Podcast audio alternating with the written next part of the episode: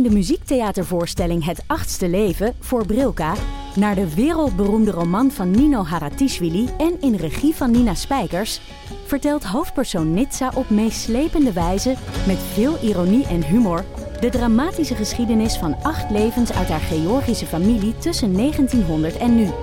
Een hartverscheurend en tegelijk troostrijk drama verteld vanuit het perspectief van vrouwen uit verschillende generaties. Waarbij het publiek meegenomen wordt op een emotionele, visuele en muzikale reis door de 20ste eeuw. Koop je tickets voor het achtste leven via oostpol.nl.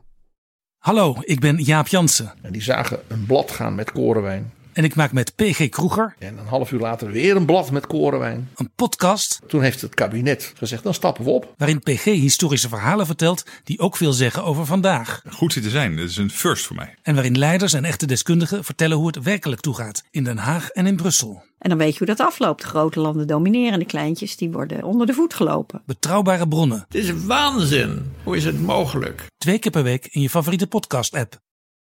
Leuk dat je luistert naar Boeken FM. Hou jij ook zo van gemak? Abonneer je dan op deze podcast, dan hoef je nooit meer een aflevering te missen. hey, en als je dan toch bezig bent, laat dan ook een recensie en een genereuze hoeveelheid sterren achter in je podcast-app. Dan kunnen andere luisteraars ons makkelijker vinden in hun podcast-apps en het geeft ons natuurlijk een goed gevoel van binnen. De leukste recensie wordt voorgelezen door Joost de Vries. Heb je een vraag of ben je onredelijk boos op ons? Stuur dan een mailtje naar boekenfm.dasmag.nl.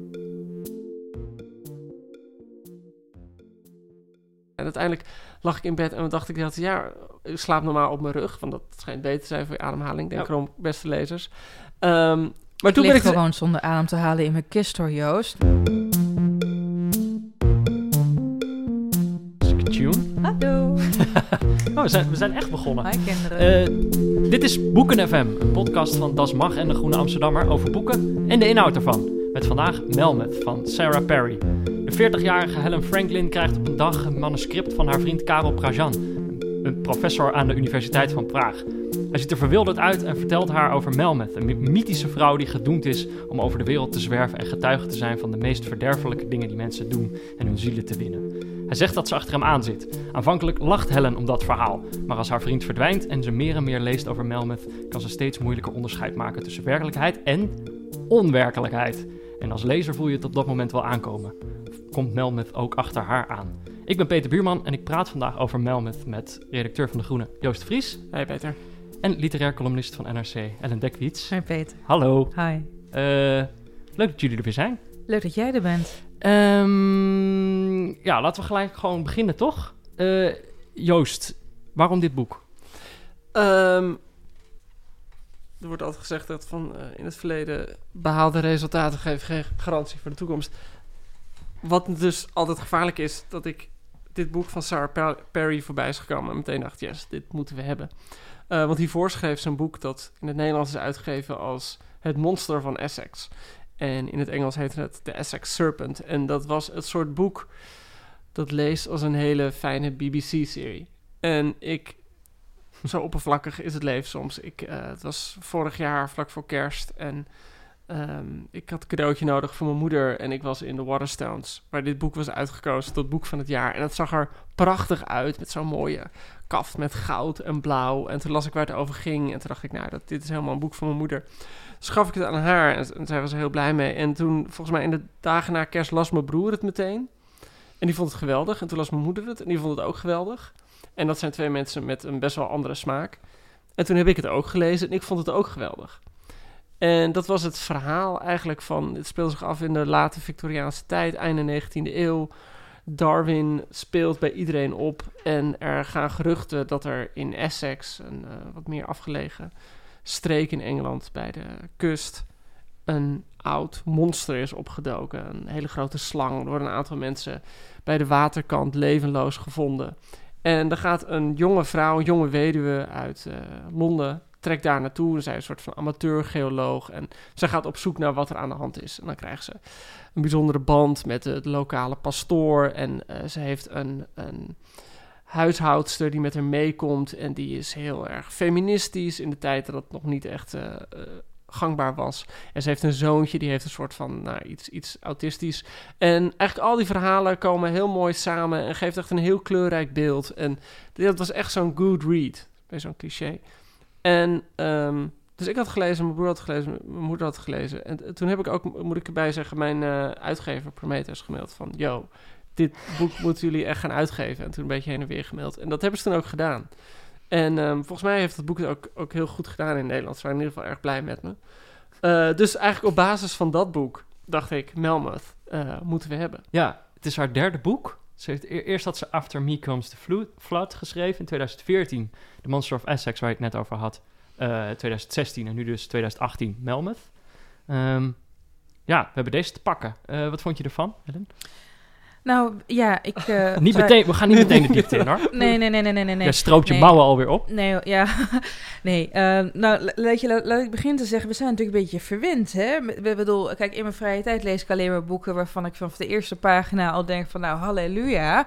Hier, gaat hier, hier gaan de, de instinctjes lekker van trillen. En dat had ik hierbij eigenlijk niet. Het heeft eigenlijk wel 30 pagina's gekost voor ik er echt in was. En ik denk dat dat komt omdat het boek... Het, het leunt eigenlijk op twee pijlers. Aan de ene kant wil het eh, literatuur zijn. In die zin dat er ontzettend mooie zinnen in zitten. Dat er ook ehm, ontzettend de sfeer heel mooi wordt weergegeven. En aan de andere kant is er een soort ja, toch gemankeerde spanningsopbouw. Ik zal een voorbeeld geven. Aan het begin van de roman dan wordt er al gefluisterd over het monster Melmoth. En dan heeft die Karel, die vriend van eh, Helen... Karel, die over, Karel is van de Karel Universiteit. Oh ja. Die is dan heel erg bang. En dan probeert ze 30 pagina's lang te zeggen... Maar zeg het nou! En dan zegt hij... Ja, maar ik ga het nog niet zeggen, Helen, want je gelooft me niet. En dan ja, daar ben ik echt wel snurk de musical aan het doen, hoor. het gaat zo tering lang door. En ehm, het is opgebouwd. Het deed me in zekere zin qua opbouw heel erg denken aan het werk van een van mijn lievelingsschrijvers, Nicole Kraus. Het is Hm. namelijk een montage. Het zijn verschillende eh, teksten in, die deze tekst beslaat. Eh, er, er zijn brieven in opgenomen, handboeken, tes- eh, herinneringen en een, een heel duf verteld actoriaal verhaal. En ehm, je, ik verwachtte daardoor, door die vorm, te veel. Want feitelijk is het gewoon een beetje een soort, ja, een griezelig boek.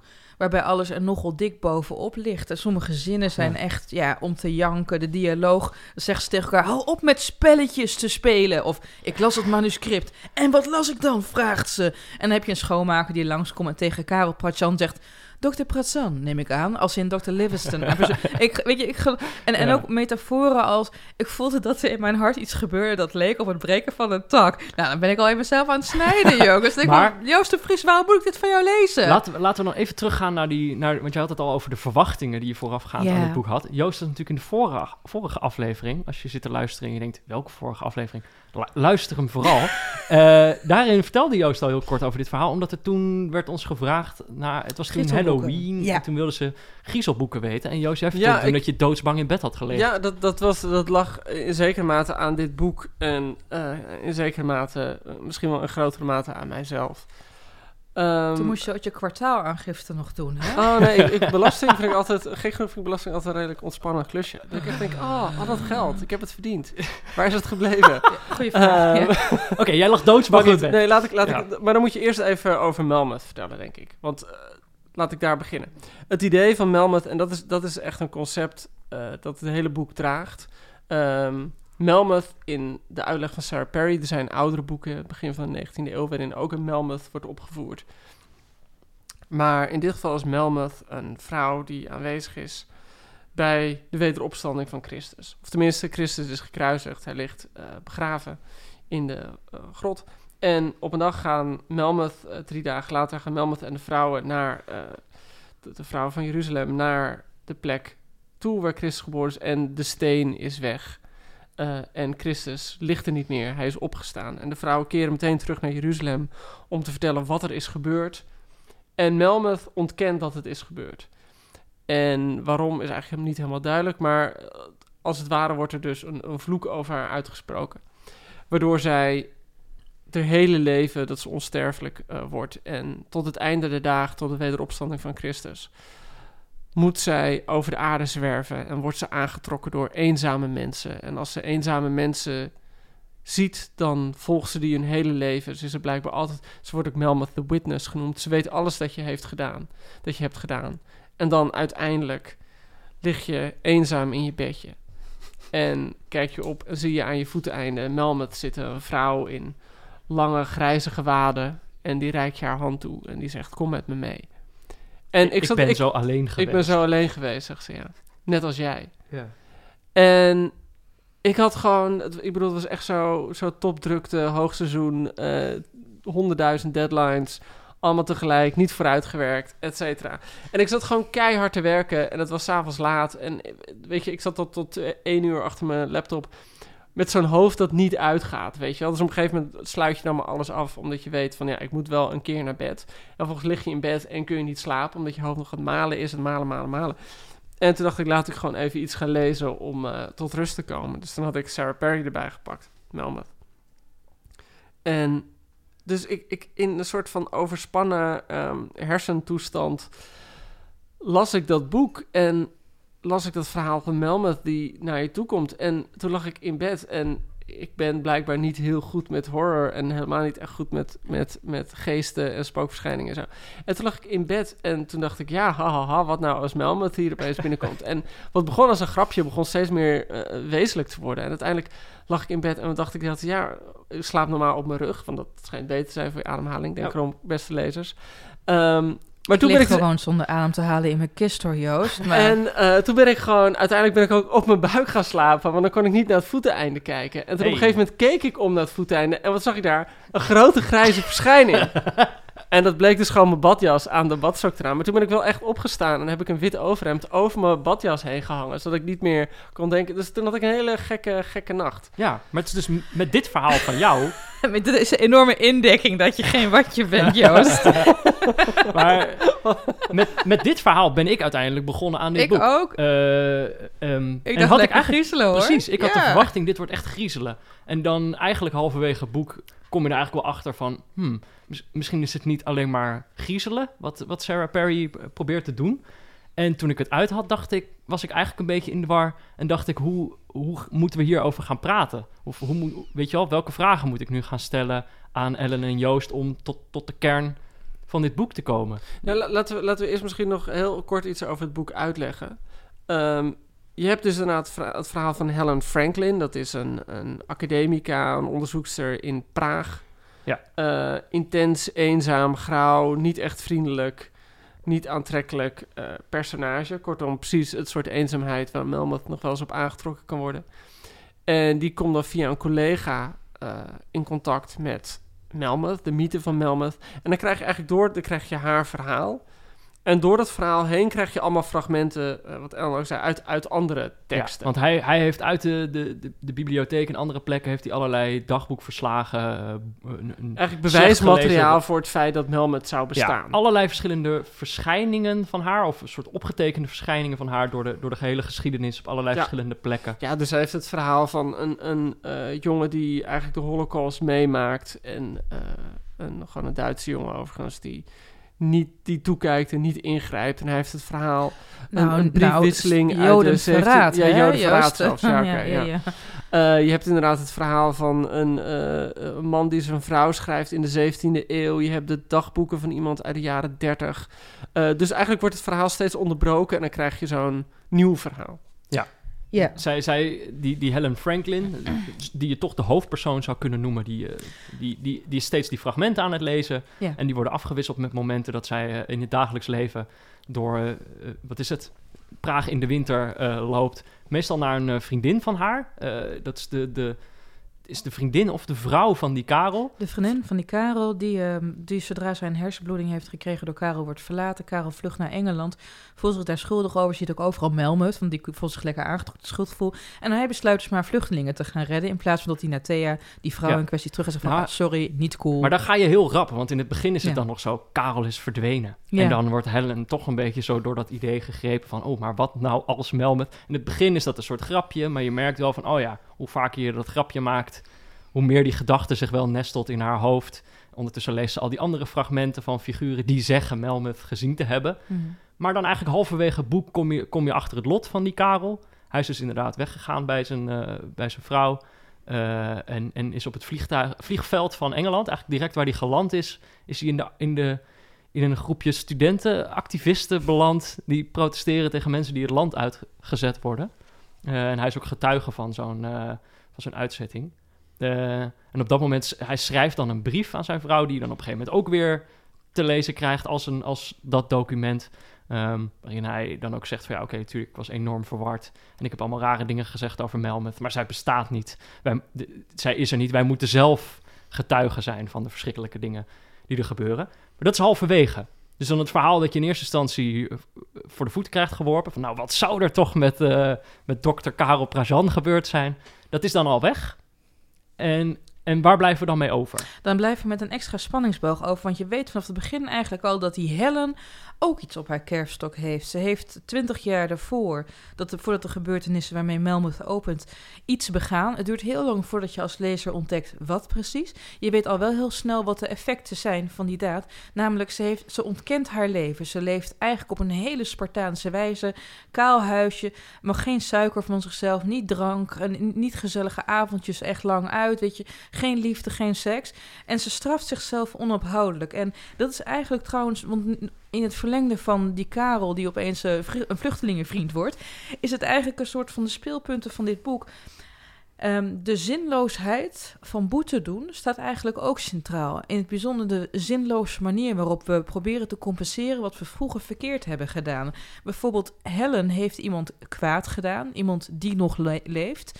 Ehm, eh, en gaat daardoor zichzelf heel erg eh, een kutleven geven. En na de hand zegt diegene tegen haar van ja, ik hoop maar dat je met je leven iets leuks hebt gedaan. Dan heb ik niet voor niks geleden. En dan denk je als lezer van oei, dat is toch jammer. Ja, Je hebt eh, Karel die in plaats van zijn vriendin te troosten en met een bloemetje weer langskomt, die gaat een vluchteling redden. Oh, prima. Maar ja, je lost het probleem daarbij niet op. Je hebt eh Jozef Hofman, de jongen die dus Joden verraadt. Die, eh, die gaat, de hele, gaat de rest van zijn bestaan zichzelf haten.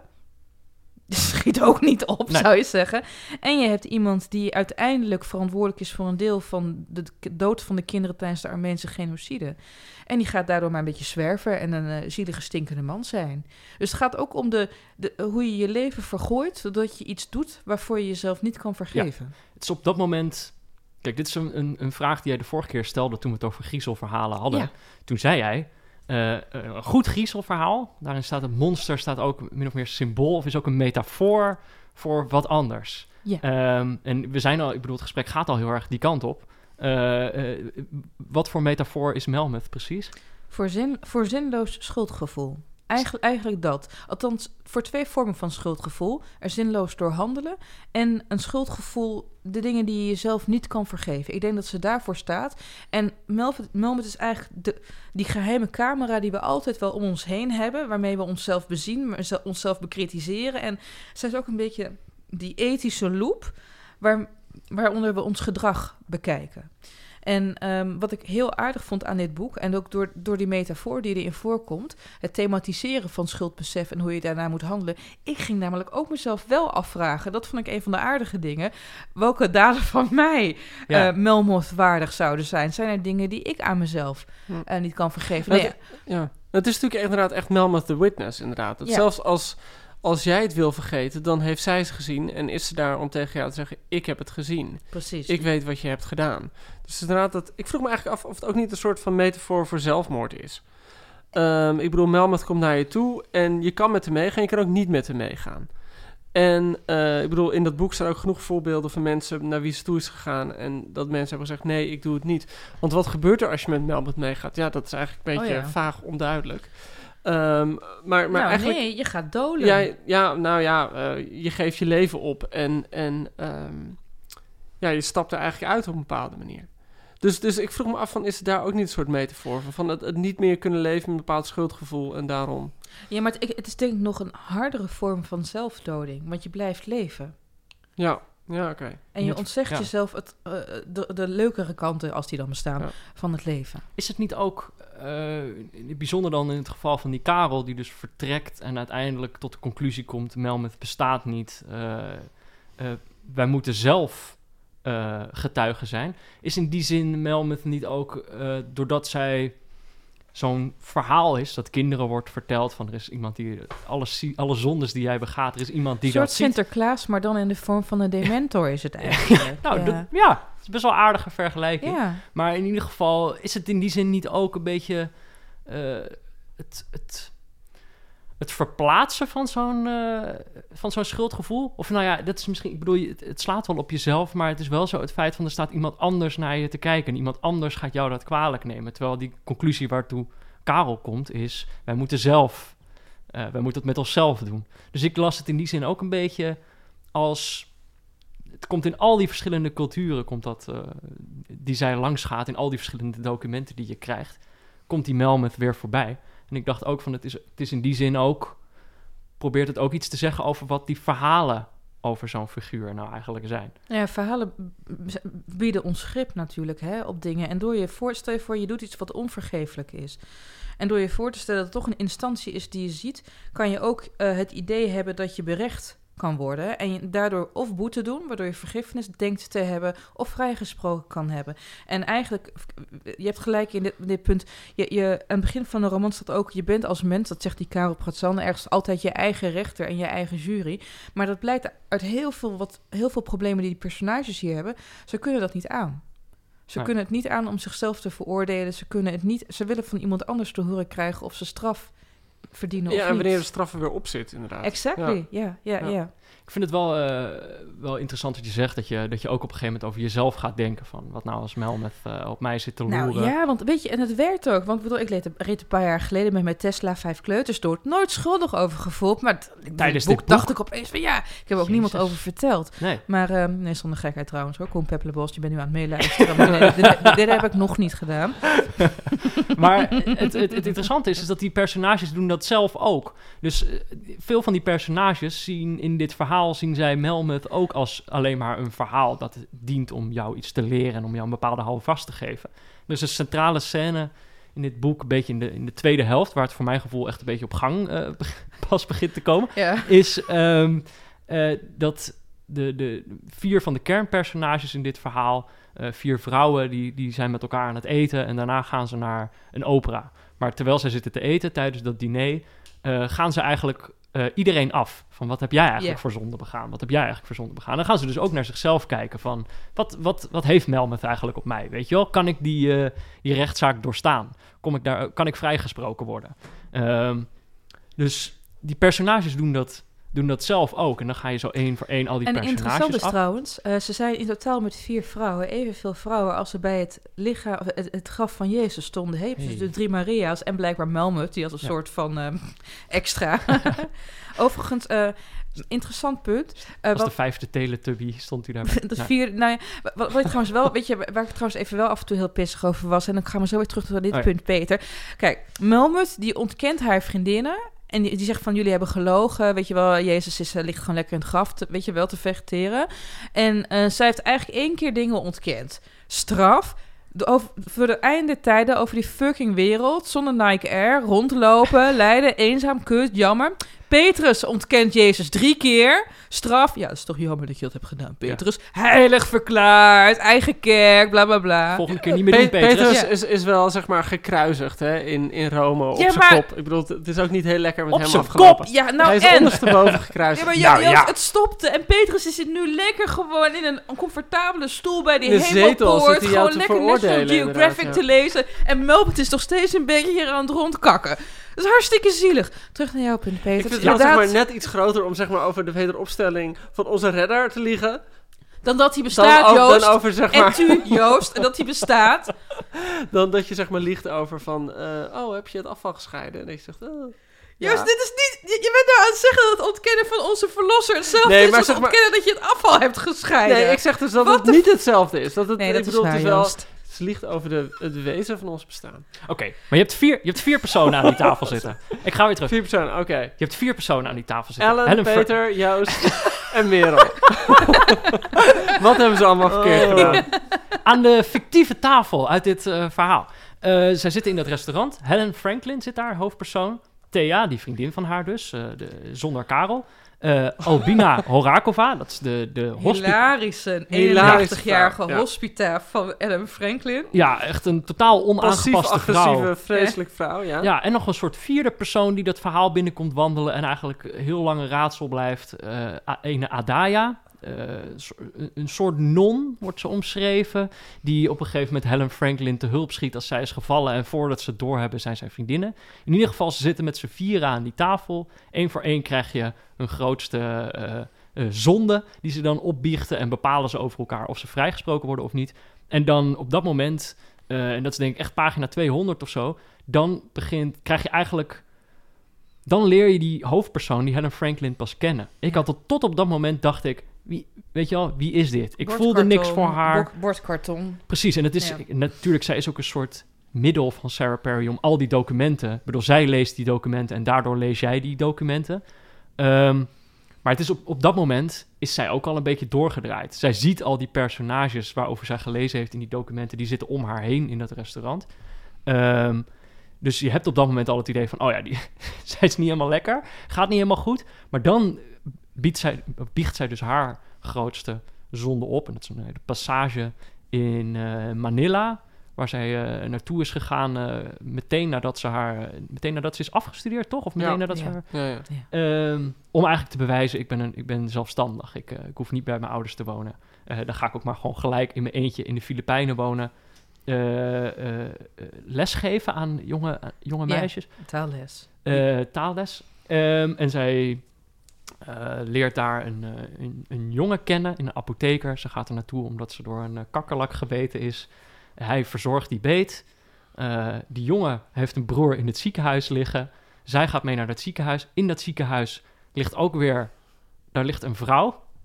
Een, een vrouw die, die, die nauwelijks meer herkenbaar is... omdat er, haar man heeft zuur over haar heen gegooid... omdat hij haar verdacht van vreemdgaan. Eh, en die vrouw heeft heel veel pijn. Eh, eh, zij, die Helen, jonge Helen, ziet dat. Ze gaat steeds bij haar op, eh, op bezoek. En op een gegeven moment verzoekt die vrouw, die verzoekt haar om eh, haar dood te maken. Ze zegt, Maak, laat mij sterven. Eh, en het duurt even voordat ze doorheeft dat dat tegen haar gezegd wordt. Eh, maar ja, goed, ik bedoel, als ik dit allemaal al verteld heb, kan ik ook wel zeggen Ja, vertel de rest maar, joh. dat ze dat ook Ja. gedaan heeft. Eh, zij, zij heeft die vrouw ook, eh, ook gedood. Ehm, ehm, waar ging ik ook weer heen met dit verhaal? Ja, ik ben een de beetje clue van het ja. verhaal, ik weet ook wil vertellen. De clue Ja, van het verhaal is ja. natuurlijk dat zij niet voor de dood opdraait, maar iemand Ja. anders draait Nee, voor de ja. dood op Dus van eigenlijk, Peter, misschien, misschien kan je het even samenvatten. Zo van, Ja. Helen denkt iemand te helpen door te assisteren bij euthanasie. Ja.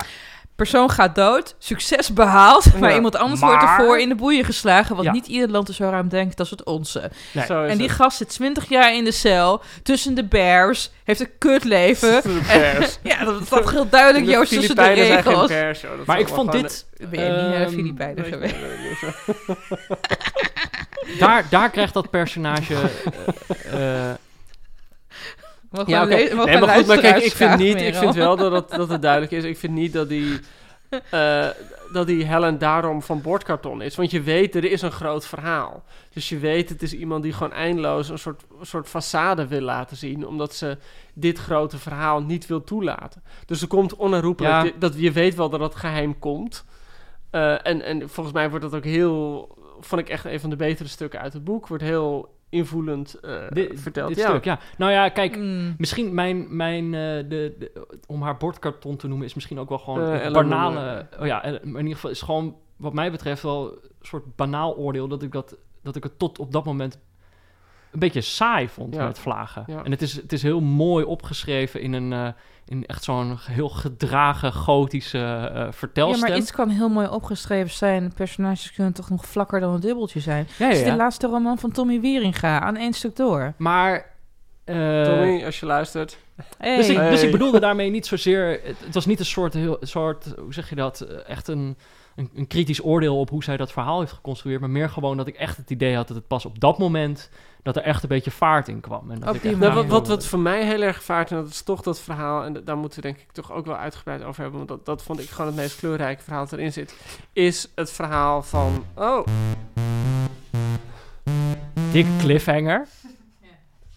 Zijn er eh, luisteraarsvragen? Die kan je namelijk insturen naar boekenfm.dasmag.nl. Er zijn er drie, heb ik begrepen, toch? Twee. Er zijn er twee. Oké, kom maar op. Hoi Boeken FM. In een eerdere aflevering zei Joost iets over een schrijver die blijkbaar veel flamboyante pakken draagt. Ik ben wel benieuwd. Wie vinden jullie de best geklede schrijvers? Oh. Groetjes, Jules. Eh, allereerst Elfie Tromp. Met afstand. Muze van Bas Kosters. Al perfect uit, perfect gestyled.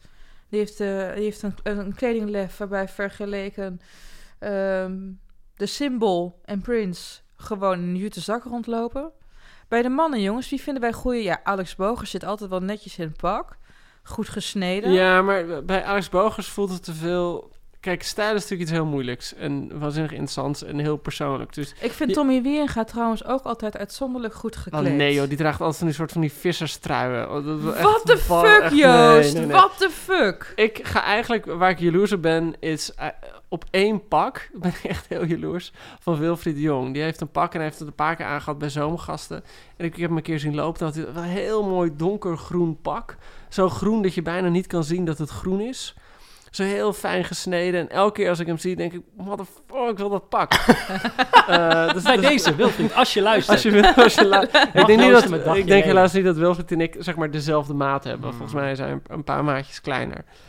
Joost is, Ehm, is Joost te, is- te gespierd. Ja, is te ja, te gespierd. Dat is gewoon toch, ik, ik probeer die, die borstspieren minder te krijgen. Maar dat eh, als je ze eenmaal hebt, dat is echt gewoon elke keer als je een tas oppakt, worden ze weer aangesproken. Dus ehm, nee, dat, dat vind ik, ik... Ik vind heel vaak... Het grappige is, ik, ik weet niet, hebben jullie die documentaire gezien over Joost Zwaagman, die Koen Verbraken heeft gemaakt? Nog Nee, niet. dat kan, ik- ben ik nog niet aan. Nee, nou goed. ehm, d- dan zie je dus jouw zwakke man echt de hele tijd van die t-shirts van G-Star rondlopen. Dat je echt denkt, kan je als schrijver, kan je als, zeg maar, als je met kunst bezig bent, zo slecht gekleed zijn? En het antwoord is dus, nou ja, ja. Dat vind ik heel Eh, gemeen, dit. Ja, ehm, ja, is het gemeen? Dat vind ik heel flauw. Oké, nou goed. Eh, want je verwacht toch altijd wel als mensen kunst maken dat je een bepaald soort gevoel voor esthetiek zou moeten hebben. En Hallo, dat, dat visuele esthetiek is Ja, iets anders is- dan textuele esthetiek. Schatje, dat ja, weet ik ik. word er ja, Poppy. Ehm, dat weet ik, maar het viel mij gewoon... Opeens dacht ik, hè, het is zo gek als het... En tegelijkertijd, ja, ach, je hebt heel veel schrijvers die het echt geen reet interesseren. Maar wie vinden we heel goed? Behalve... Ik, Ingmar Heitz heeft vaak ook hele mooie pakken aan. Maar weet je, dat- dat- gewoon, ik ken hem heel goed. Dus dan heeft hij weer iets moois. Prachtig, eh, half geborduurd, half brokaat. En allemaal in het wit, met diepte relief. Denk, oh jongen, goed hoor. Ik vind Nina Weijers altijd... Dat zeg ik ook heel vaak tegen haar. Als, een beetje een stijlicoon. Die draagt altijd hele verrassende, rare kleren... die op een of andere manier perfect Nee, ja, als passen. je luistert. Hoi. Als je... Ja, we vinden die geweldig. En ehm, dus nee, dat is voor mij iemand. Maar ja... Ik zat, maar ik, ik, ik- we kunnen het hier toch niet over hebben zonder over jouw t-shirt te beginnen. eh, Buffy the Vampire Slayer. Ja, ja, nou ja, ik ben natuurlijk ook een stijlicoon. Ja. Ehm, en ik heb wel de maat van Wilfred Gené. Dus, eh, of Wilfred de Jongs. eh, wij wisselen wel eens pakken uit met elkaar. Maar ik heb vanmiddag van hem een t-shirt geleend. Wilfred Met- Genees. Ja, sorry, Wilfred de Jong. Ja, is- ik, ik heb net weer voetbal Insight gekeken, was superleuk. Nee, maar ehm, inderdaad, ehm, eh, ik heb net van hem een Buffy the Vampire t-shirt Is die gelezen. speciaal voor vandaag? Ja, eigenlijk wel, want dat is ook een griezelserie, Mhm. soort van. Het is natuurlijk ook gewoon een metafoor, zoals je net terecht zei, voor de horrors van de puberteit. Maar daar komen we in onze Buffy special van het voorjaar helemaal op terug. We hebben een Buffy special. Ja, Nou, net is maar- zo enig. Ehm, nee, maar weet je, kijk, dat, dat is wel zo. Ik had hier laatst een heel interessant gesprek over met Mitsi van der Pluim, hè, het opperhoofd van de uitgeverij Pluimen. En ik had het over eh, kleding. Kijk, en normaal als ik schrijf, dan zit ik gewoon de hele dag in mijn, onesie van de Primark, en niet van de Primark, wel duurder, gewoon te werken en verder niks te doen. En eh, op een gegeven moment... in je dure, in je dure onesie, ja. Ja, De Chanel onesie, oké, ja. ik zal een foto op de website zetten, Heel dan geloven jullie ja. het. Ehm, en zij zei op een gegeven moment, weet je, je moet soms ook van outfit wisselen, want dan word je geloofwaardiger. Zij was vroeger, toen ze begon als redacteur, haalde zij de een en de ander succesauteur en opdrachtgever binnen, gewoon in een t-shirtje en een spijkerbroek. En toen zei haar baas van, nu gaan we een Chanel pakje voor je kopen. Dit kan je al, je moet het ook leren om het in andere kleren te doen. En dat vond ik zo'n interessant idee. En ik heb er eigenlijk de eerste tien jaar van mijn slam carrière een beetje bijgelopen alsof ik net de H&M had leeggekocht. Dus ik ben nu ook een beetje aan het experimenteren met gewoon, ja, in driedelig pak kan als vrouw niet meer, want dan word je meteen voor Marieke Lucas Rijneveld aangezien. Dus gewoon haar ding een beetje geworden. Maar toch een beetje experimenteren met andere stijlen. Terug naar jullie jongens. Joost, hoe bewust ben jij eigenlijk gekleed? Nou, ik ben heel bewust gekleed. Echt? Je zegt dat wel heel Hebben jullie een design, eh, een design ding? Nou, Ik heb alleen... maar- oh, sorry. ik, ik zat zelf te denken, eh, maar dit is eigenlijk meer een soort... Dit is meer een soort an- antwoord waarbij ik een beetje dan ga, ga afwijken waar we het eigenlijk over hadden. Dus Jo- Joost, als jij nog echt meer antwoord ging Het geven... enige wat ik wilde zeggen is, en dan heb ik, is dat, dat ik echt eh, alleen een soort van schoenen fetish heb. Dat ik, ik heb, ja, ik heb nu, ik ben gisteren door mijn enkel gegaan, dus ik heb nu een redelijk Oh. afgetrapte broek aan. Maar dat ik, dat, dat ik daar wel al mijn geld aan uitgeef. Oké. Nou, en ik- dat, ik ja. wil dan altijd schoenen met een ronde punt. Dat is het belangrijkste. Ja, dat, eh, dat, dat, dat je. Ik, ik heb zelf een beetje, het lijkt mij gewoon altijd wel, lijkt mij gewoon, soms zie je gewoon als iemand zich heeft verkleed of als iemand kleren heeft aangetrokken die gewoon zijn kleren zijn, snap je? Ja. Dus soms kleedt iemand zich die net niet helemaal bij de persoon past en dan vind ik het altijd een beetje ongemakkelijk worden. Maar tegelijkertijd lijkt het me heel lastig om dat te beslissen. Ik hoorde de laatste keer een, een cabaretier of een comedian, eh, hoorde ik zeggen, ja, ik leg het nog uit. In ieder geval, die had zijn eerste avondvullende show. Alex Ploeg was het volgens mij. En die zei toen, ja, ik draag altijd gewoon een t-shirtje op het podium. Maar als ik dat zeg maar in het theater ga doen, dan denken mensen meteen, oh, dat is een comedian. En dat is ook zeg maar als je je Ja. microfoon vasthoudt of je hebt er een op je hoofd. Eh, op, als je zo'n zeg maar zo'n microfoon op je hoofd ja. hebt, dan ben je een cabaretier. En als je een microfoon vast hebt, dan ben je een comedian. En hij zei toen, ja, ik voel me gewoon een beetje raar als ik een pak aantrek. Terwijl eh, aan de andere kant wil ik ook niet mensen die tegen, zeg maar, hij vertelde wat voor een dilemma die dan uiteindelijk zat. En uiteindelijk, want ik, ja, het, ik, ik, het was een interview dat ik luisterde, dus ik zag niet hoe, wat hij verder aan had. Maar uiteindelijk heb ik, zag ik een foto voorbij komen naar wat hij volgens mij aan had op het toneel. Volgens mij was er ook een, eh, in de Volkskrant een interview met allerlei comedians met wat ze dan droegen tijdens hun Mm. voorstellingen. En toen zag ik, hij had toch wel een soort broek en shirt die wel goed bij elkaar pasten, dat er wel heel stylish uitzag. Waarvan ik dacht, dat is wel een, misschien een mooie tussenvorm voor iemand die uiteindelijk toch weet aan te trekken wat gewoon bij hem past. En zich dan niet verkleedt als iets wat hij wat niet, wat hij niet voelt. Dus dat, dat zou ik zelf ook doen, denk ik. Nou, fijn. Ja, Ja. zijn we er doorheen? Is er Ja. nog een vraag? Of wilde je nog... Nee, je valt zoveel over te zeggen, kinderen. Ja. Ik denk dat we hier een keer een aparte... Ja, te- ik- kleren. Ik, ik, zit Amsterdam nu heel Fashion erg- Week, ik voel het me heel doen? slecht dat ik niet meer mensen nu kan noemen. Nou ja, jongens, als het gaat over trouwens... Deze, deze man kan je even googlen. Sander Blom, hoofdfunctie bij Atlas ja, Contact. ja, buitengewoon zo... Jezus, wat ziet die er goed uit. Zijde dassen in een dubbele windsor. Geweldige pochet. Dat is iemand die pinkringen draagt. Daar ga ik hard op, hoor. Wat een stijl. Wat een stijl. Maar past het ook bij je? Yes, ja, oh jongen, als je ziet, joh, die komt gewoon echt, die is gewoon ingevroren in de 19e eeuw. Die is net ontdooid in de magnetron. En die is meteen met een cheque van 3000 euro naar de kledingwinkel gegaan. Oké. Klopt helemaal. Volgende vraag. Beste Boeken FM. Wat vinden jullie het beste boek van Auke Hulst? Groetjes, Auke. Eh, goede vraag van Auke. Ja, leuk. Hoi, Auke. Is het echt? Is het echt, Merel? nou, ik heb net nog... eh, ja, ik, ik, heb, ik, heb maar, ik, ik, ken, ik, ik heb veel artikelen van hem gelezen. Ik ben fan van hem als singer-songwriter. Maar ik, ja, ik heb alleen Kinderen van het Ruige Land gelezen. En dat vond ik erg mooi. Het gaat over een aantal kinderen die... nou Ja, het, het boek, de titel zegt het al, die op het Ruige Land opgroeien... met een ontzettend vervelende moeder en een dode vader.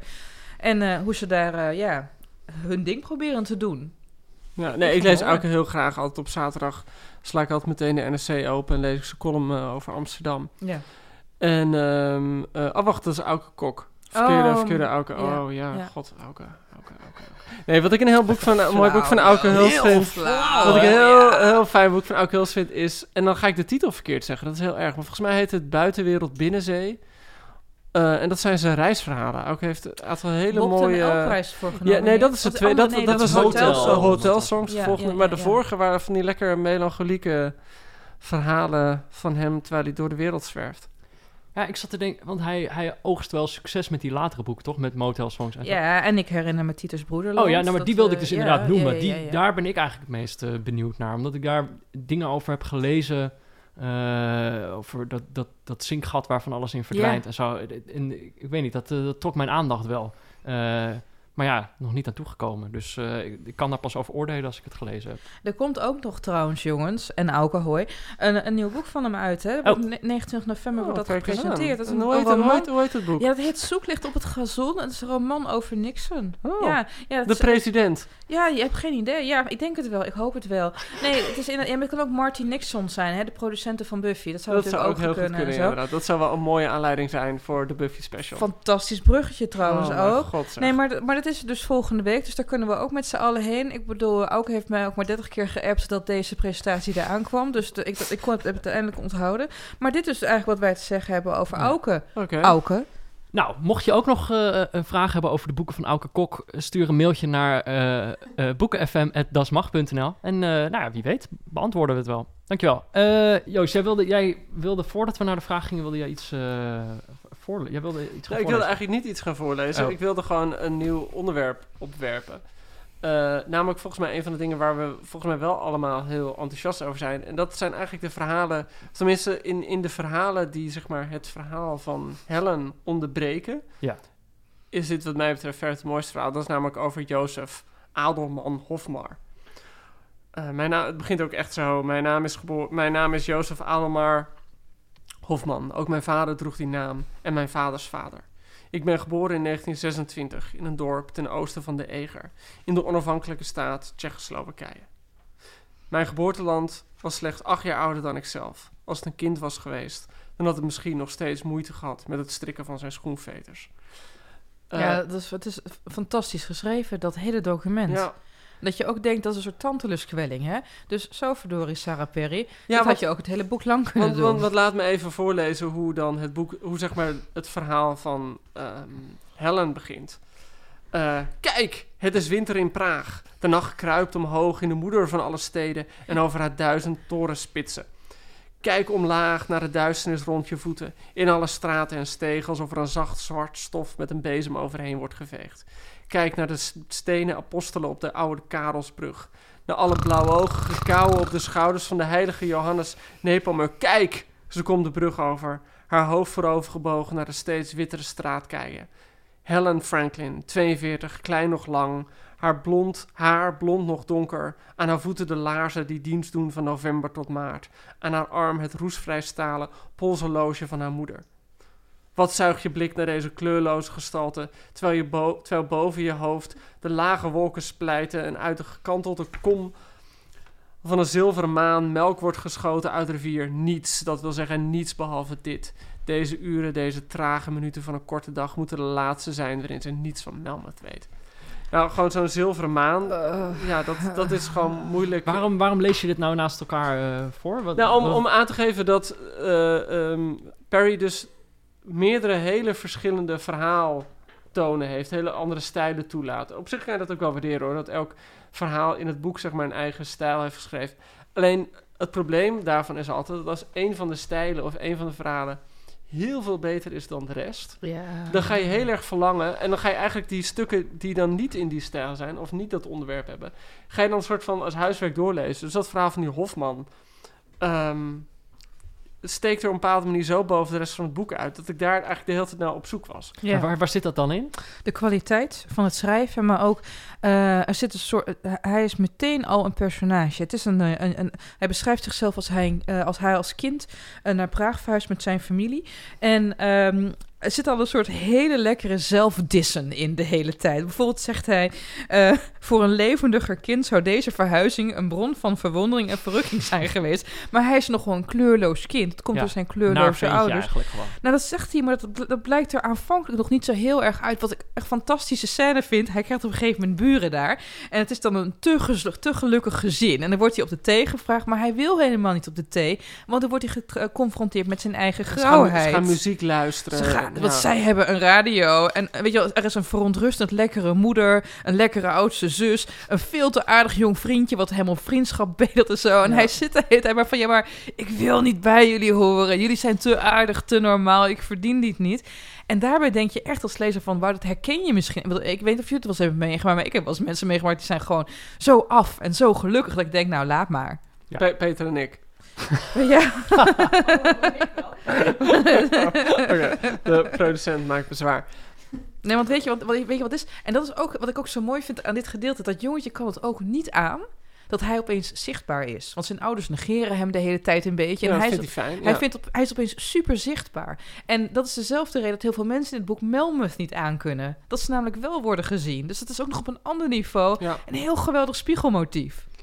En dit is natuurlijk ook gewoon op een, op een hele gruwelijke manier eh, een Tweede Wereldoorlog verhaal. Ja, vertel daar eens over. Nou, het, het, het speel, dat gezin, dat hele gelukkige gezin waar hij bij langskomt. eh hij is echt, dat, daar begint hij ook mee te vertellen. Het is echt zo iemand met hele oud-Duitse wortels. Komt echt uit zo'n geslacht dat heel trots is op, op hun eh, Duits, Duits Ja. zijn. Hoe zeg je dat? Eh, en dat gezin, dat gelukkige gezin dat bij hen komt wonen, dat zijn Joden. En Dat weet je pas later. dat weet je pas later. Op een bepaalde manier voel je het wel meteen aan. Omdat er gewoon een paar keer van die opmerkingen worden gemaakt. Dat zij gewoon op een manier voorzichtig moeten zijn. Waarop andere mensen dat niet zouden zijn. Ze hebben overigens allemaal blauwe ogen en eh, blond haar. Ja. ehm, en als ik me goed ver, als ik het niet vergis, heb, komt bij hun Melmoth ook voor het eerst voor.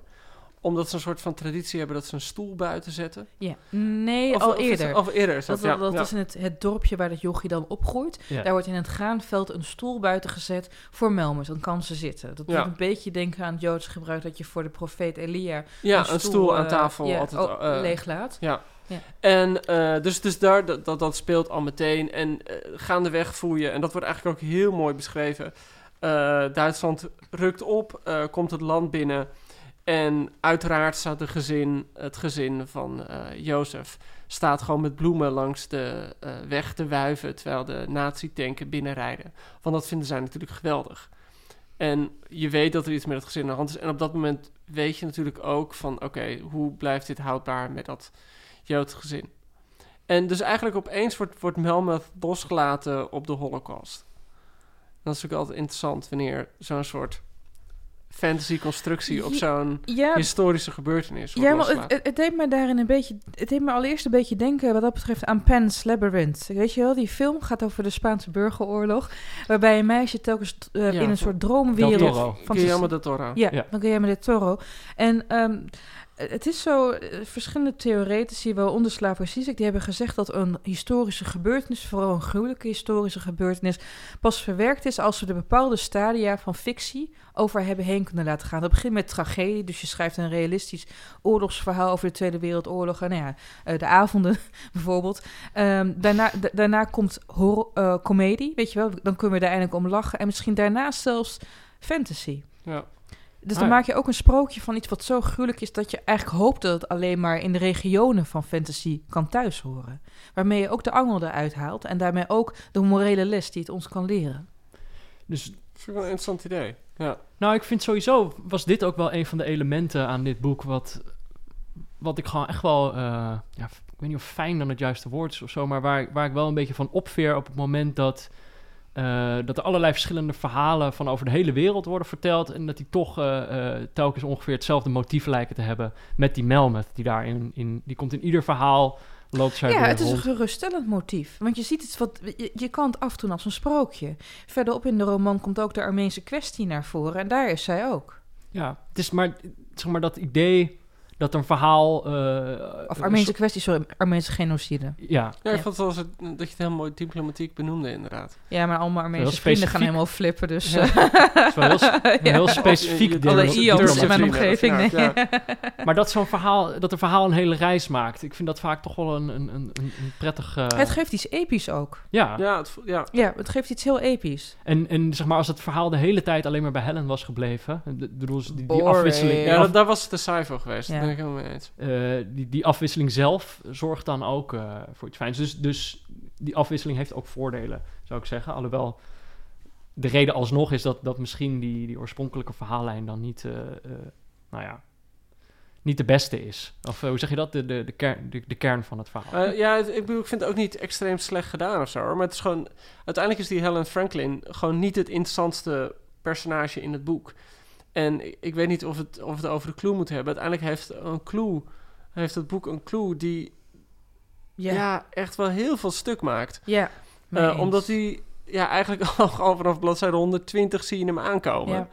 Eh, en dan moet je nog 200 bladzijden. En ehm, ja, dan het is het is zeg maar niet zo erg als van oh en toen werd ik wakker, weet je wel, zo'n soort einde. Maar het is bijna ja, het is wel zoet als als voor de hand liggend tegelijk. Maar moeten we het over... over want we Ik waren... ja, je kunt er niks over zeggen, want dat is ook weer zo lullig. Ja. Maar Ja, de- Maar volgens Eh, mij waren we het alle drie eens om dan in ieder geval te focussen op, op wat hier echt goed aan was. Eh, want Ja. we zeiden, we zeiden al van het, het- er lijkt een soort niveauverschil te zitten in Ja. het hele verhaal. Maar voor mijn gevoel was er echt één stuk in het hele verhaal wat er echt wel erbovenuit stak. En volgens mij waren jullie het daar gewoon mee eens. Dat is dat stuk in die opera. Ja, nou dat is inderdaad, en dit is dus even belangrijk, want we hebben nu verschillende verhalen voor de luisteraar Ja. aangehaald. Ehm, er is één gedeelte van het verhaal dat vanuit Helen Franklin wordt verteld dat wel echt interessant is. Op een gegeven moment is Helen Franklin's eh, ja, Joan Collins-achtige hospita, die wordt 91, Ja. hiep hiep hoera. En die gaan dan met z'n allen, bedoel je, bedoel je in de opera, hè? dat zal in de loge zitten. Ja, absoluut. Ja. Die gaan naar eh, de opera van Dvorak, eh Rusalka. Dat gaat trouwens ook weer over iemand die eindigt als een dwaallicht... en voor altijd mensen de dood in moet lokken. Heel subtiel gedaan. en op een zeker moment krijgt Helen... ja, ik weet of het een soort psychose, verstandsverbijstering... of een magisch bewustzijn is... maar tijdens die opera, tijdens de, een belangrijke aria... wordt de tijd stilgezet. Dus ze ziet een sopraan die maar een uithaal blijft doen. Dus op een gegeven moment denkt van... nou, die mag ook wel een keertje aan de, aan de, aan de beademing. Ehm, haar hospita sterft heel langzaam terwijl haar parelketting stuk gaat. En parels echt als een soort hele trage mini-maantjes van de loge afdenderen en zo. En de manier waarop ze daar die tijd, ehm, hoe noem je dat, eh, in, laat dikken, die tijd langzaam filmisch haast stilzet, dat vind ik heel knap gedaan. Ja, ik vond ook... En, en ik, ik had echt... Dat was echt een van de langere passages die ik aan één stuk had zitten lezen. Dus dat Ja. begon dan dat ze in het restaurant zitten. Vervolgens reis je naar eh, Manila. En dan kom je weer terug in die loge bij die opera. En dan... eh, dat moment was best wel spannend, Ja. vond ik. En ik had, weet je wel, je belandt wel... Doordat die verteller zo nadrukkelijk aanwezig is... word je er wel echt in... word je echt meegenomen door iemand. En ik zat daar toen zo s'avonds op de bank te lezen... terwijl mijn vriendin al naar bed was. En dat het toen wel zo... dat eigenlijk na die passage dacht ik eigenlijk wel dacht van oké, ik ga nu mijn tanden poetsen, maar gewoon, naar, maar gewoon naar bed. Want Ik was wel echt volledig ingezogen. En de, de, sp- op een of andere manier spanning vond ik in die scène wel echt het meest... eh, Maar mag, ik even, wat, wat, de luisteraar nu denk ik ook wel weten, jongens. Eh, lezen jullie normaal horror of beter nog, kijken jullie wel eens horror? Ik bedoel, zijn jullie eigenlijk liefhebbers? Eh, hebben jullie... eh, nee, ik, ik ben niet, ik, ik heb geen antipathie, maar het, het is niet echt iets waar mijn eh, interesse naar uitgaat. Ik heb een aantal hele mooie horrorboeken of, of spookverhalen meer gelezen, weet je. Ehm, maar nee, het is niet echt iets Nee? waar ik mee bezig ben. Nou, wat, wat films betreft vind ik het wel altijd een... eh, vroeger kon, kon ik dat echt niet. Was ik echt doodsbang en dan eh, lag ik hele nachten wakker. Nu, eh, nu vind ik dat wel echt gewoon een, een, een, een hele leuke... Ik vind het vaak heel leuk om naar een horrorfilm te gaan. En die sensatie Ja. dat, je, Laat me- la- ja. to- dat je de hele tijd Laat in me je dat stoel voor de schiet. eerlijkheid erbij zeggen. Ik vind het ook vaak gewoon heel eng. En eh, daarom kijk ik het ook gewoon niet. Het is ook gewoon, ik, ik ga heel... Monsters zo interesseren me echt geen hol, maar gewoon... Spoken en Sp- schrik ja, spoken en zo, dan eh, ja, is het... Nou ja, ik, maar ik ik kan het wel als ik het bijvoorbeeld dan zo midden op de dag kijk of zo. Maar s'avonds als ik alleen thuis ben, dan kan ik het Hm. beter niet doen. Maar, eh, want ik vind het dus ook heel eng en juist die sensatie vind ik dan wel leuk. Maar met boeken eigenlijk heb ik nauwelijks Oh, horror grappig. gelezen. En daarom Oh. ik denk dat ik het daarom ook lastig vond om, om, om te bedenken van... oké, hoe gaan we dan precies over dit, dit boek praten? Omdat ik wel het gevoel had dat het echt, echt wat anders was dan wat ik eh, gewend ben te lezen. Ja, maar ik vind het als horrorboek vind ik het niet spannend genoeg. Kijk, ik, bedoel, ik, ik kijk veel horrorfilms. Ik ben er redelijk resistent voor. Eh, dat komt ook doordat ik natuurlijk gewoon zoveel proza Ja, slik ja. dat niks meer mee eigenlijk Ja, uitmaakt. is, eh, Maar in dit geval, bij deze roman, ik vond het niet echt spannend. Nee. En ik heb, ehm, het deed me soms, wordt er geflirt met het werk van, daar hebben het in de vorige aflevering die jullie allemaal moeten luisteren ook over gehad. Daphne de Maurier, onder andere de auteur van The Birds. Nou, in deze roman, als er iets naars gebeurt, Ja. dan zijn er allemaal kauwen, weet je wel. Dat zijn een beetje wat de sinaasappels in de Godfather zijn, zijn de kauwen hier, die vliegen zich overal te pletter. Ehm, maar de dreiging die het in, het in het werk van de Maurier zou hebben, heb je hier totaal niet. Ik denk, het is Ja. meer dat een boek dat doet alsof het griezelig is. Ja, en komt dat niet ook doordat er zo, eh, doordat die personages zelf ook nadenken, of zeg maar in eerste instantie geloof zij niet dat die Melmoth bestaat, dus die personages hebben zelf ook een soort literaire distantie tot dat figuur. Zij zijn zelf ook niet volledig bang. Zij zijn haar ook aan het interpreteren. Zo van, wat, wat is zij dan? Mm. En ik heb dat zelf dan als lezer ook. Nee, want nou ja, weet je, in heel veel horrorfilms heb je natuurlijk toch ook het gegeven dat mensen het aanvankelijk niet geloven. Ik bedoel, Ja, ja. d- Dit boek deed me heel erg denken aan eh, af en toe aan It Follows. Hebben jullie die horrorfilm Ja, gezien? En, eh, Heel goed. Ja, heel goed, heel goed. Dus, dus iets achtervolgt je. en eh, het is eigenlijk haast een soort tikkertje. Je geeft het door net zoals dat mensen hier pas bang voor Melmoth worden. Als een derde zich hen erop wijst. Of dat nou via legendes dat ze als kind horen... of via het document wat toevallig een beetje onder hun ogen komt. En ehm, Ja, maar dan is het weer zo gek dat je Melmoth gewoon kan weigeren. ja, Ze, kun, ze kan naar je toe komen Ja. en als je zegt nee, dan Nee. houdt het blijkbaar op. nee, Dan wordt ze ook op. boos. Ja, pist, wordt- ja. Ja, eh, maar ik bedoel dat met, met eh, It... eh, kon je niet echt nee zeggen. Of, of eh, eh, met Poltergeist. Oh, ik met zo- It kan je wel nee zeggen trouwens. Want je moet het niet Oh geloven. ja, inderdaad. Ja, ja, Ja, dat is het ook. En ja. oké, maar goed. Maar, Maar met, Poltergeist ben je met, de hoor. met The Ja. Exorcist. Ja, ja, jammer. Het is niet zo van, hey, weet Nee, je wat? Eigenlijk ben je niet welkom in mijn lichaam. En dat hij dan zegt, nou, oké. Ja, jammer. Ehm, Heeft dit, heeft dit misschien te maken, nu we het toch een beetje hebben over, over of het een griezelverhaal is of niet. In, eh, ik had wat dingen zitten lezen in NRC, werd geschreven door eh, Roos van Rijswijk. Zij zei, eh Melmoth is meer een ornament dan de drijvende kracht van het verhaal.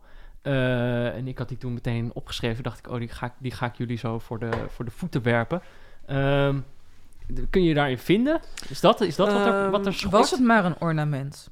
Want eh, kijk, als je kijkt naar hoe het plot in elkaar zit, zonder ja, nog meer spoilers te weggeven dan die we al hebben weggegeven, is het toch wel echt de speel van het boek. En het boek, weet je wel, je, je hebt, ook, je hebt ook romans waarin bijvoorbeeld een mythe heel lichtjes wordt aangestipt en die wel als een soort reflectiepunt vormt voor de personage. Had dat het hierbij ook gekund? Ja, laat ik het, om even terug te koppelen naar het vorige boek van, ehm van Sarper. Ja, Monster nou, van dat- Essex. Dat lijkt in alle kritiek wel een beetje de kern te zijn. Nou ja, maar, maar Dat om- boek om, was om beter. eventjes deze vraag te beantwoorden. Ja, Eh, uiteindelijk gaat dat boek veel minder over de vraag of dat monster nou bestaat. Op een bepaalde manier wordt het ook op een hele makkelijke manier afgedaan op het einde. En dat boek gaat echt over de personages op heel veel verschillende manieren. En in deze zin is Melmoth een uitroepteken achter de personages. Dus de personages hebben bepaalde eigenschappen. Sterker nog, ze hebben bijna allemaal maar één eigenschap, namelijk ze zijn ergens schuldig over. En Melmoth is nog eens het uitroepteken achter die schuld. Dus in plaats dat, dat Melmoth voegt niet iets nieuws toe, maar is gewoon een onderstreping van wat er al is. En in het vorige boek, Monster of Essex, kon, denk ik, Sarah Perry zich veel meer gewoon in die verschillende personages laten gaan en hun onderlinge relaties. En ging het over honderd verschillende onderwerpen tegelijk. En op dit gevoel, in, in dit boek wordt alles bij elkaar gehouden. Maar dan door dat ene ding, namelijk schuld en Melmoth en noem maar op. En doordat Perry misschien minder kiest, zoals zij heeft en een soort van literair boek willen schrijven en historische fictie en ook nog eens een horrorverhaal, maar ook nog eens een soort van familiegeschiedenis. eh, ja, werkt dat niet heel goed. En het is niet eens eh, in dit zin, het is overal een gothic verhaal genoemd, maar eigenlijk een van de definities van een gothic verhaal is een, eh, is een eng huis, een, een vrouw die wordt lastiggevallen en dat staat allemaal onderbewust voor het seksuele waar we allemaal nachtmerries over hebben. En dit is ook een beetje het doet. Gothic-achtig. Ja, Praag is natuurlijk niet de, de meest onenge stad ter wereld, maar het, Ja. het, het is een beetje nep voor mij. Ik vind wel, het kwam een aantal keer voorbij in onze discussie. Joost net ook weer. Eh, volgens mij, en Ellen, jij zei het helemaal aan het begin. Dan die vraag, is het literatuur?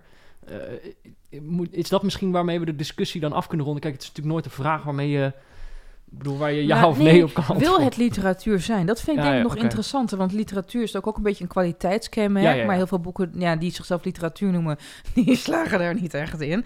Ehm, ik, denk, ik denk wel dat het literatuur... Nou, Ja, ik vind het ook een lastige. weet je, het is opgebouwd met al die spanningsbogen. Dat je niet echt heel erg geslaagde spanningsbogen als een thriller. Als een mix tussen een horrorboek en een thriller. Maar dat wil niet zeggen, ik heb veel betere horrorboeken en thrillers gelezen. Ik bedoel, genre wil niet zeggen dat iets slecht is.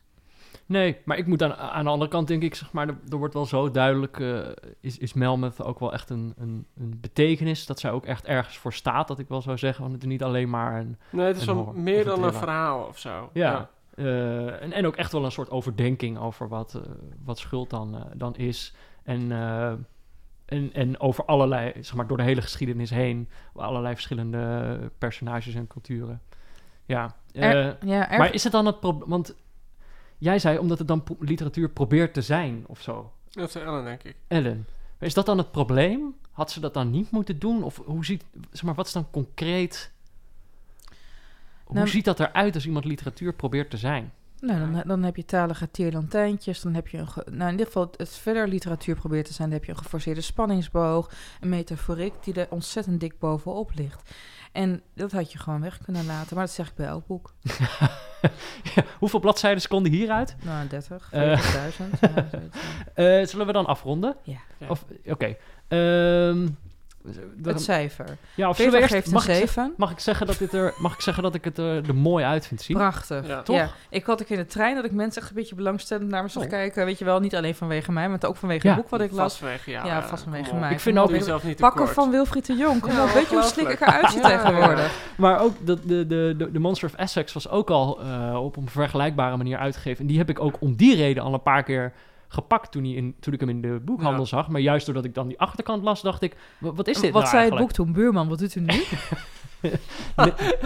Nee. Is die grap niet al heel vaak gemaakt? Ja. maar niet in deze podcast. Daar is het nieuw van. Eh, Oh, zo als, als, als Peter ooit zijn eentje een podcast gaat maken, gaat die zeker zo heten. ja. zeker niet. Gaat zeker niet zo Oh, heten. ik vind het ook echt niet leuk gewoon. Nee, ik heb laatst... Oh, Laatst wat heeft, laatst heeft iemand mij verteld van dat, je, dat, dat mensen het niet leuk vinden als je, als je te veel meedoet in de grap. Dus ik dacht, ik kan nu wel meelachen, maar dat vinden jullie eigenlijk niet leuk. Jullie vinden het pas echt leuk als ik net doe alsof ik het niet leuk vind. Ja, doe maar en ik heb het gemerkt, Oh, want jullie zaten te schateren. Weet je, weet je trouwens wie er naar Spider-Man woont? Buurman. Kijk, hij gaat, hij gaat Oké. echt door de klol heb. Je hoort het, hè? Oké, laten we, laten we volgende, volgende aflevering een lijstje grappen. Ellen wist al welk cijfer ik ging Een geven. 7. Ja, Nee, nee, ik ik geef je namelijk altijd. En Ja, maar- ergens vind je het een heel tweede goed boek. seizoen. Tweede seizoen. Oh ja. En dan eigenlijk, ja, ik vind het een geweldig boek. En ik geef een 7. En van, ja, ik vind het echt zo slecht. Het sloeg nergens op. Ja, ik geef een Ik, 7. ik zal heel eerlijk toegeven, tweede seizoen eh, heb ik heel veel zevens gegeven. De- dit, dit verhaal geef ik een 7,5. Oh, Met daarbij meerdere opmerkingen, meerdere kanttekeningen. Eh, allereerst de kanttekening dat er heel veel dingen in zitten die ik heel graag zie. Dat heb ik al een beetje genoemd. Ik vind vervreemding vaak interessant. Ik vind avontuur interessant. eh, geschiedenis interessant. En ik vind het interessant dat het al die verschillende locaties afgaat. Ik vind het ook interessant dat het is opgeschreven in een heel eigen stem. Maar waarom ik dus. Want in principe is dit allemaal positief. Dan zou je zeggen, joh. En ik, ik vond het ook eh, met vlagen ontzettend leuk om te lezen. En had ik elke keer weer zin om het op te pakken. Maar ik heb dus, en dat is een beetje de kern van mijn probleem in deze aflevering. Ik heb niet heel veel vergelijkingsmateriaal. Dus dat ik misschien ook dacht van misschien hou ik ook wel gewoon een beetje van de vorm in plaats van specifiek dit boek. Ehm, en juist zeg maar door, door alles wat ik erover lees, denk ik ja misschien moet ik, moet ik gewoon eh, de Essex Serpent eh, maar gaan lezen. ja, sowieso.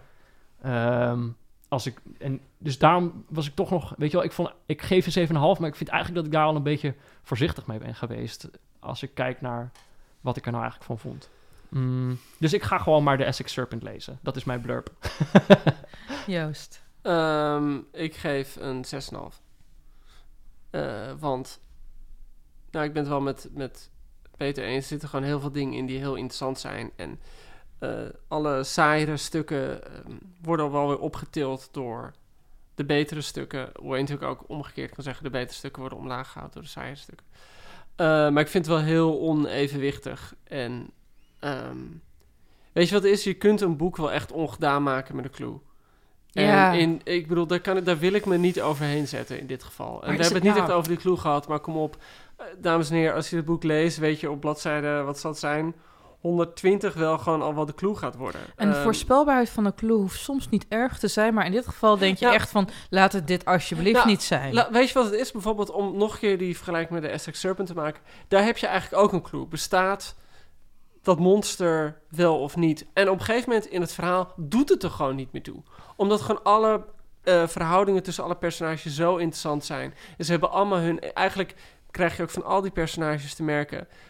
Ze zoeken in dat monster iets dat ze in zichzelf koppelen. Ze willen het niet geloven om, vanwege iets Maar- zichzelf. Ja. Eigenlijk of dat monster te doet, doet er dan gewoon niet meer toe. En in dit geval wordt de clue, en het is een clue die je echt vanaf bladzijde 120 ziet aankomen. En vervolgens wordt hij echt zo gebracht van... Nou jongens, en Roffel, weet je wie het gedaan heeft? Roffel, roffel. en dan Nee, kom maar- je en denk je... Ja, Nou. wat en sterker nog, ik vond bijna de clue verrassend. Omdat ik al die tijd dacht van... Nou, als je, dit kan je niet de clue van je boek maken. En dan is het er Maar toch. ik dacht, want inderdaad, ergens heb je dan het idee van dit zou die kant op kunnen gaan. Maar ik vermoedde dus op een gegeven moment dat ik dacht dat de clue zou zijn, wat jij zegt over de Essex Serpent, dat het er uiteindelijk niet toe doet of dat monster bestaat of niet. Dus ik, dat was de clue die ik aan zag komen. En ik had denk ik nog meer een soort dubbel gevoel op dat einde, dat ik dacht van, ja, dit was inderdaad een van de opties die ik in mijn hoofd had. Maar dat ik ook dacht, je moet ook, ergens moet je ook lef hebben om gewoon te denken van, nee, ik ga het nou eens een keer niet in het midden laten liggen. Ik ga gewoon keihard Peter, het alle clichés Jij erop gebruikt altijd het woord lef in deze boek, eh, boekenpodcast wanneer een schrijver iets doms doet. Daar moet je ook enorm veel lef voor hebben om iets doms... Nee, maar ze Ja. maakt wel een keuze, toch? Ik Ja, bedoel, dat ze kiest wel wel, een keuze, volledig zou- voor je deze gelijk. clue. Ja. Ja. En dit kan ook een cop-out zijn om te zeggen... het is allebei. Kies zelf maar. Het Ellen, komt op jou aan. Een Wat vier, zeg en- jij? een vier en een half. 4,5. Zo. Ja. Ja, sorry jongens. Nou, nee, Ja. ga niet sorry zeggen. Wat de fuck. Nee. Nee, nee, weet je wel, het, het, het- er zitten echt hele mooie dingen in. Vandaar die vier en die half. Maar, maar nee, maar de, de, de clue, de, de, de, de, de, de gehandicapte spanningsopbouw, echt niet. Echt niet. Ik vind het echt niet best. En trouwens, het klinkt misschien hard op 4,5, maar als ik onze getallen bij elkaar, cijfers bij elkaar optel en ze er weer middel, Ja. dan hebben we een 6,2 gegeven aan dit boek. Vind ik nog mild. Ja, sorry.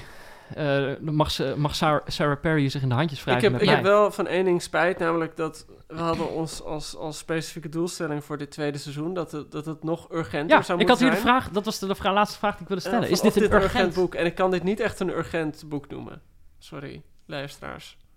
Het is, dat komt ook weer terug op wa- waar we het eerder over hadden. Ze zeggen vaak dan...